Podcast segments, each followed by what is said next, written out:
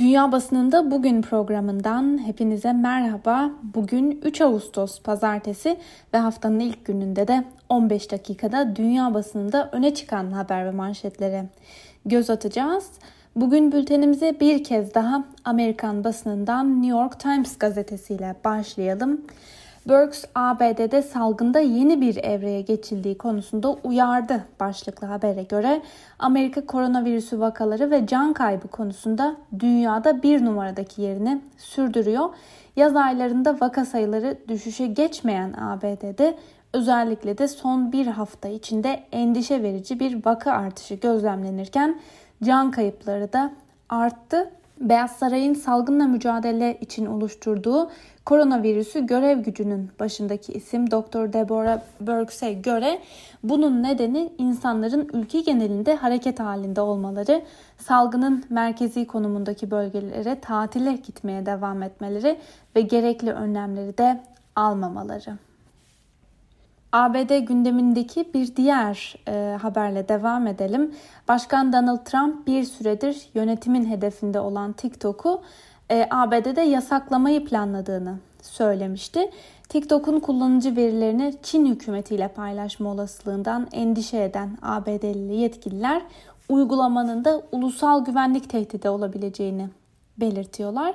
New York Times gazetesine göre TikTok'un geleceği konusundaki belirsizlikler kullanıcılar arasında tartışmalar yaratmışken iş dünyasında da ayrı bir krize neden oldu. Özellikle de eğlence ve reklam sektörleri bu belirsizlikten ağır darbe alanlar. Ve aynı konuyu gündemine taşıyan Wall Street Journal'a göre e, Çin şirketi ByteDance'in sahip olduğu TikTok uygulamasının ABD'deki operasyonlarını almak isteyen Microsoft'un görüşmeleri durdurduğunu açıkladı. Wall Street Journal'a göre ByteDance uygulamanın yasaklanmaması için ABD hükümetine büyük tavizler vermeye hazır. Bunların arasında 3 yıl içinde ABD'de binlerce yeni istihdam yaratmada bulunuyor. Öbür taraftan Financial Times gazetesinin haberine göre de bazı ByteDance yöneticileri Trump'ın bu son açıklamasının Microsoft'un pazarlıklarda elini güçlendirmesi için yapılan bir hamle olduğuna inanıyor. Sıradaki haberimize geçelim. Geçtiğimiz cuma günü yani 31 Temmuz'da Hong Kong baş yöneticisi Carrie Lam koronavirüs pandemisi nedeniyle Eylül ayında yapılacak olan yasama konseyi seçimlerini erteleme kararı aldıklarını açıkladı. Lam koronavirüs salgını nedeniyle halkı korumak ve seçimlerin adil bir ortamda yapıldığından emin olmak için böyle bir karar alındığını dile getirirken e, New York Times gazetesinden Fernando Chong ise bugünkü yazısında bu konuya dair şöyle yazmış. Hong Kong seçimlerini neden erteledi? Hükümet seçimleri kaybetmekten korkuyor ve bunu örtbas etmek için de salgını bahane ediyor. Gazeteye göre kararı Beyaz Saray'da eleştirdi. Hong Kong hükümetinin yasama konseyi seçimlerinin bir yıl ertelenmesi ve muhalif adayları diskalifiye etme kararını kınıyoruz ifadesini kullanan Beyaz Saray sözcüsü McAnany bu kararın Hong Kong'un demokratik sürecini ve özgürlüklerini sekteye uğrattığını vurguladı. Bu habere benzer bir diğer haberle devam edelim. Geçtiğimiz hafta bültenlerimizde değinmiştik. ABD Başkanı Donald Trump geçtiğimiz hafta attığı bir tweette seçimlerde hile yapılacağı iddiasıyla seçimlerin ertelenmesini talep etmiş ve New York Times gazetesi de Trump'ın seçimleri kaybetmekten korktuğu için virüsü bahane ettiğini ileri sürmüştü. Dün konuya ilişkin yeni bir gelişme yaşandı.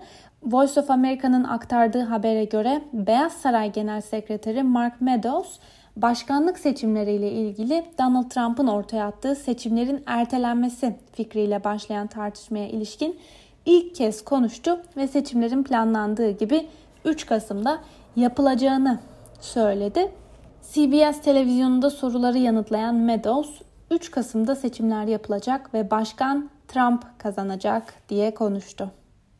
Sıradaki haberimize geçelim. ABD seçimleri hukuk mücadelesine döner mi başlıklı habere göre ABD Başkanı Donald Trump'ın posta yoluyla oy kullanmasında usulsüzlük endişesini gerekçe göstererek 3 Kasım'daki başkanlık seçimlerinin ertelenmesi olasılığını gündeme getirmesine hem kongre üyeleri hem de hukukçular tepki göstermeye devam ediyor. ABD Anayasası uyarınca seçim tarihinin değiştirilmesi yetkisi yalnızca kongrede Temsilciler Meclisi'nde çoğunluğun demokratlarda olması sebebiyle böyle bir şey de mümkün görünmüyor. Voice of America'nın aktardığı habere göre e, Anayasa Mahkemesi'nin şu anki dengesine bakıldığında muhafazakar çoğunluğun oy kullanma kısıtlamalarından yana bir tavır sergilediği söylenebilir. Ancak hukuk uzmanları bu durumun seçim sonuçlarında bir anlaşmazlığın yaşanması halinde mahkemenin Trump'tan yana tavır alacağı anlamına gelmediğini belirtiyor.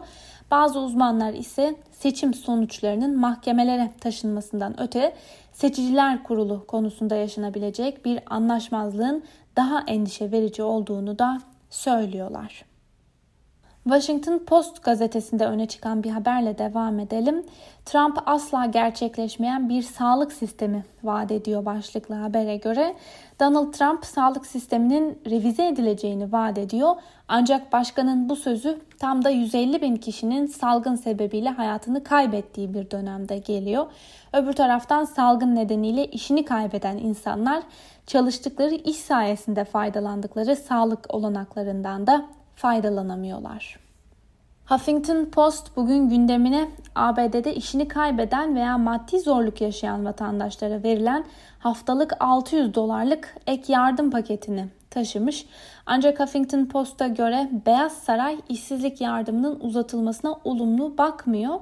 31 Temmuz'da süresi sona eren yardımların uzatılıp uzatılmayacağına ilişkin tartışmalar sürerken şimdiye kadar senatörler ve Beyaz Saray arasında bir anlaşmaya da varılamadı. Bu haberlerin ardından İngiliz Independent gazetesiyle devam edelim. Gazeteden David Cockburn'un köşe yazısının satır başlarını sizlere aktaralım. Ee, Trump'ın hayatta kalma sırrı medyayı kendi yararına kullanma ve manipüle etme becerisidir. Densiz görünse de Trump o anın konusunu değiştirmekte bir uzman. Böylece de o günün tahrip edici ifşası bir sonraki günün eski haberi haline geliveriyor. Taşkınca soytarılıklarıyla haber gündemine hükmediyor ve zayıflıkları ne olursa olsun asla sıkıcı olmuyor. Medyayı manipüle etmeye dair eşsiz becerisinin yanı sıra Trump her yerdeki popülist, milliyetçi ve otoriter yöneticilerin özelliklerine de sahip yurt içindeki azınlıkları ve yurt dışındaki yabancıları şeytanlaştıran aynı yabancı karşıtlığı onda da mevcut. Trump gidebilir ama sessizce gitmesi de pek olası değil. Pandemi onu batırabilir ama aynı zamanda ona suları bulandırmak, seçim günü gelince de nefreti ve bölünmeyi körüklemek için emsalsiz fırsatlar da veriyor. Örneğin demokratların güçlü çoğunluklara sahip olduğu kentsel bölgelerde oy kullanma yerlerinde geleneksel olarak koronavirüse karşı savunmasız yaşlı emekli gönüllüler görev alır. Eğer seçim gününde görev yerlerine gelmezlerse oy kullanma yerleri hali hazırda posta yoluyla oy kullanmayı yasa dışı hale getirmeye çalışan Trump'ın lehine olacak şekilde kapatılacak. Birçok seçmen virüs yüzünden sandığa gitmek için evlerini terk etmekten de çok korkuyor olabilirler. Bu yorumun ardından BBC'de öne çıkan bir haberle devam edelim. Ulaşımda bisiklet devrimi arz eksikliği nedeniyle yarıda kaldı başlıklı habere göre. Koronavirüsle birlikte dünyanın pek çok ülkesinde insanların toplu taşıma kullanmamak için bisiklete yönelmesinin ulaşımda bir bisiklet devrimi yaratacağı düşünülüyordu. Fakat bu devrim piyasada yeterli bisiklet bulunamaması nedeniyle yarıda kaldı. Konuyu inceleyen Financial Times gazetesi fabrikaların talebe yetişmekte zorlandığını ve bisiklet mağazalarında da ürünlerin gelir gelmez satıldığını yazdı. The Guardian gazetesi bugün ülkede tartışılan 90 dakikada sonuç veren korona testlerini gündemine taşımış. Evlerde ve hastanelerde kolayca yapılabilen yeni korona testleri diğer testlerin aksine 90 dakika gibi kısa bir sürede sonuç veriyor.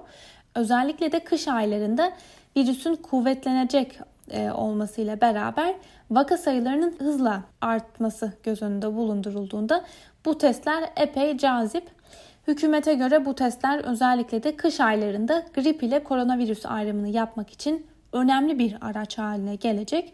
Ancak uzmanlar ise test sonuçlarının yanlış çıkması durumunda sonuçların yanıltıcı olabilecekleri konusunda endişeliler. Öbür taraftan İngiliz hükümetinin daha önce de toplu halde e, test alma girişimlerinin olduğunu hatırlatan uzmanlar bu testlerin düşük standartlı olmasını da eleştiriyorlar. Aynı haberi gündemine taşıyan The Times ise haberi şu sözlerle duyurmuş.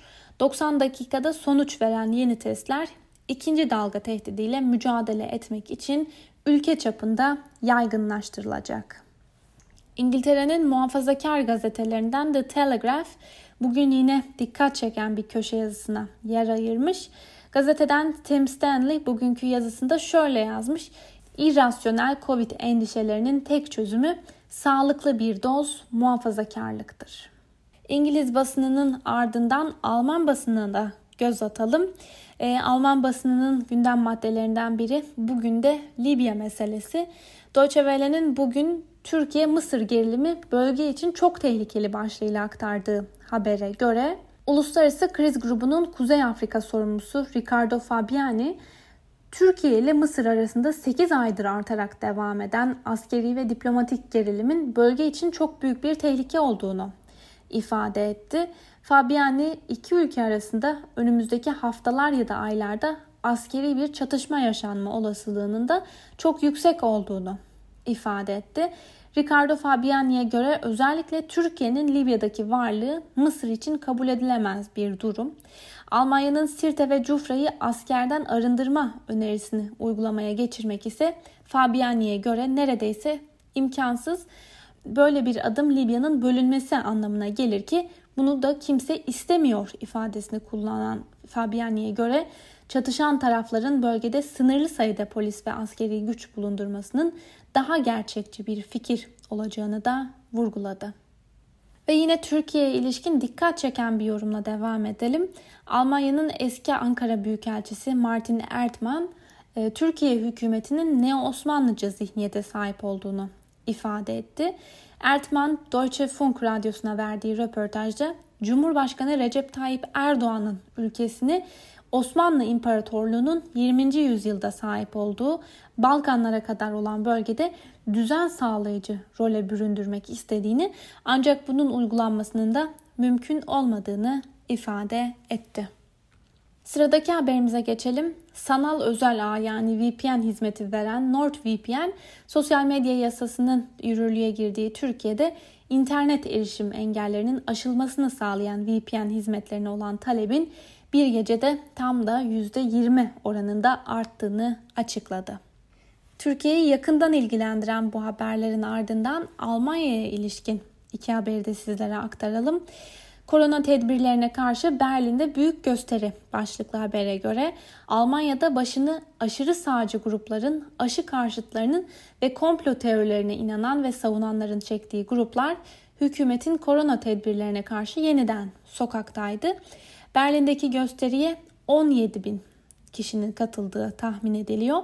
Ancak Berlin güvenlik güçlerinin uyarılarına rağmen maske takmayan, sosyal mesafe ve hijyen kurallarına uymayan göstericilerin tavrında düzelme görülmemesi üzerine eylem erkenden sonlandırıldı. Gösteriyi organize eden kişiler hakkında da suç duyurusunda bulunulduğu bildirildi. Öbür yandan ZDF'in kamuoyu anketine göre Almanya'da çoğunluk gelecek zamanda salgında ikinci bir dalga olacağını inanıyor ve yine çoğunluk kısıtlayıcı tedbirlerinde kendilerini etkilemediği görüşünde. Hint basınından India Today'de öne çıkan bir haberi de sizlere aktaralım. Dünyada en fazla vaka görülen 3. ülke konumunda bulunan Hindistan'da İçişleri Bakanı Amit Shah dün Twitter hesabından yaptığı açıklamada koronavirüs testinin pozitif çıktığını duyurdu. Resmi rakamlara göre koronavirüs nedeniyle hayatını kaybedenlerin sayısı 37.364'e yükseldi ve vaka sayısı da son 24 saatte 54.735 artarak 1 milyon 750.723'e ulaştı. İsrail basınında öne çıkan bir haberle devam edelim. İsrail'de binlerce kişi hükümetin koronavirüsle mücadeleyi kötü yönettiği ve hakkındaki yolsuzluk davası nedeniyle Başbakan Netanyahu'nun aleyhinde gösteri düzenledi. İki aydır devam eden protestolarda dün son zamanların en büyük eylemi gerçekleştirildi. Haaretz gazetesinin haberine göre Kudüs ve Tel Aviv başta olmak üzere ülkenin 260 farklı noktasında yapılan eylemlerde Netanyahu'nun da istifa etmesi talep edildi. Aynı konuyu gündemine taşıyan Times of Israel ise iki siyasinin farklı tutumunu gündemine taşımış. Buna göre Netanyahu bu gösterileri demokrasinin ayaklar altına alınması olarak yorumlarken Savunma Bakanı yani Beya Mavi Beyaz İttifakı lideri Gantz ise bu eylemlerin demokrasinin olmazsa olmaz can damarları olduğunu savunuyor. Rus basınından Moscow Times gazetesi bugün bir kez daha Habarovsk'ta devam eden protestoları gündemine taşımış. Bültenlerimizde sık sık değinmiştik. Rusya'nın uzak doğu bölgesindeki Habarovsk kentinde 2000'li yıllarda organize suç örgütüne üye olma ve cinayetleri organize etme iddiasıyla tutuklanan ve görevinden alınan eski vali Sergey Furgali destek amacıyla yapılan gösterilerin 22. gününde de artan baskılara rağmen devam ettiği belirtiliyor.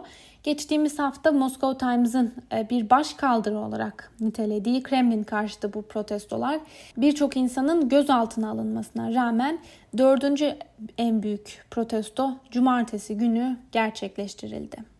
Ve son olarak Çin basınından Global Times'ın öne çıkardığı haberlerden birine göre ülkede bazı bölgelerde son dönemde yükselişe geçen vaka sayıları kontrol altına alındı.